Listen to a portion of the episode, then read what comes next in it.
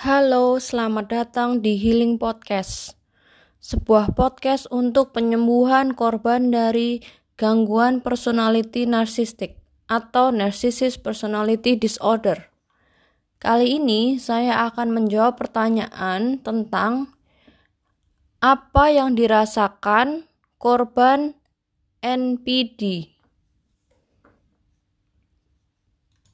Awal dari hubungan dengan seorang NPD yaitu akan mengalami fase love bombing. Artinya, pada saat awal mungkin saja orang dengan gangguan personality ini bisa berperilaku baik atau mirroring apa yang Anda suka, sehingga korban akan merasa bahwa pada fase awal orang ini adalah orang yang baik.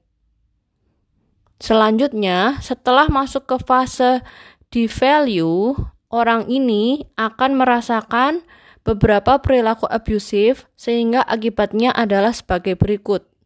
Nomor satu, bingung. Profesor Eleanor Girnberg berkata bahwa awal dari sebuah abuse adalah kebingungan. Korban akan bingung karena selingan antara perilaku baik dan jahat yang dilakukan oleh orang dengan gangguan kepribadian narsistik. Sehingga nomor dua, korban akan merasakan walking on eggshells, yaitu dalam hubungan tersebut, pasangan yang normal akan selalu disalahkan, apa pun yang dia lakukan akan dinilai kurang dan salah. Nomor tiga, akibatnya korban akan selalu merasa sedih, karena dia merasa tidak percaya bahwa orang terdekatnya yang juga bisa terkadang berlaku baik padanya melakukan hal yang sangat tega, abusif, dan manipulatif. Nomor 4.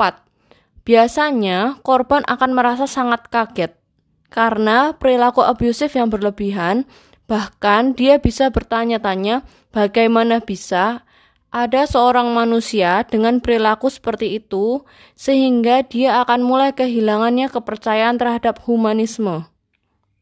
Nomor 5 ia akan terus berusaha menuruti pasangan NPD-nya, tapi itu tidak akan pernah cukup sehingga ia akan merasa sangat lelah dalam hubungan itu. Nomor 6.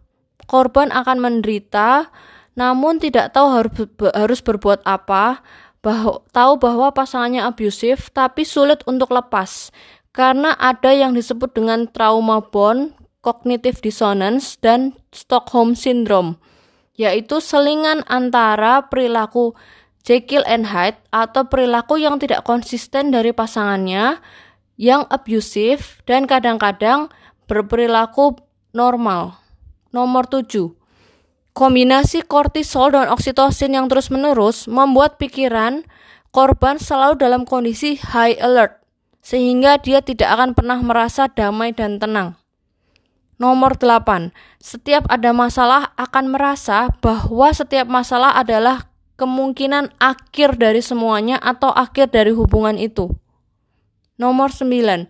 Dia akan terus-menerus menyalahkan diri sendiri disebabkan oleh yang disebut dengan efek gaslighting dan juga bagaimana cara blame shifting atau menyalahkan pasangan atau korbannya terus-menerus sehingga pasangannya akan merasa guilty menyalahkan diri sendiri.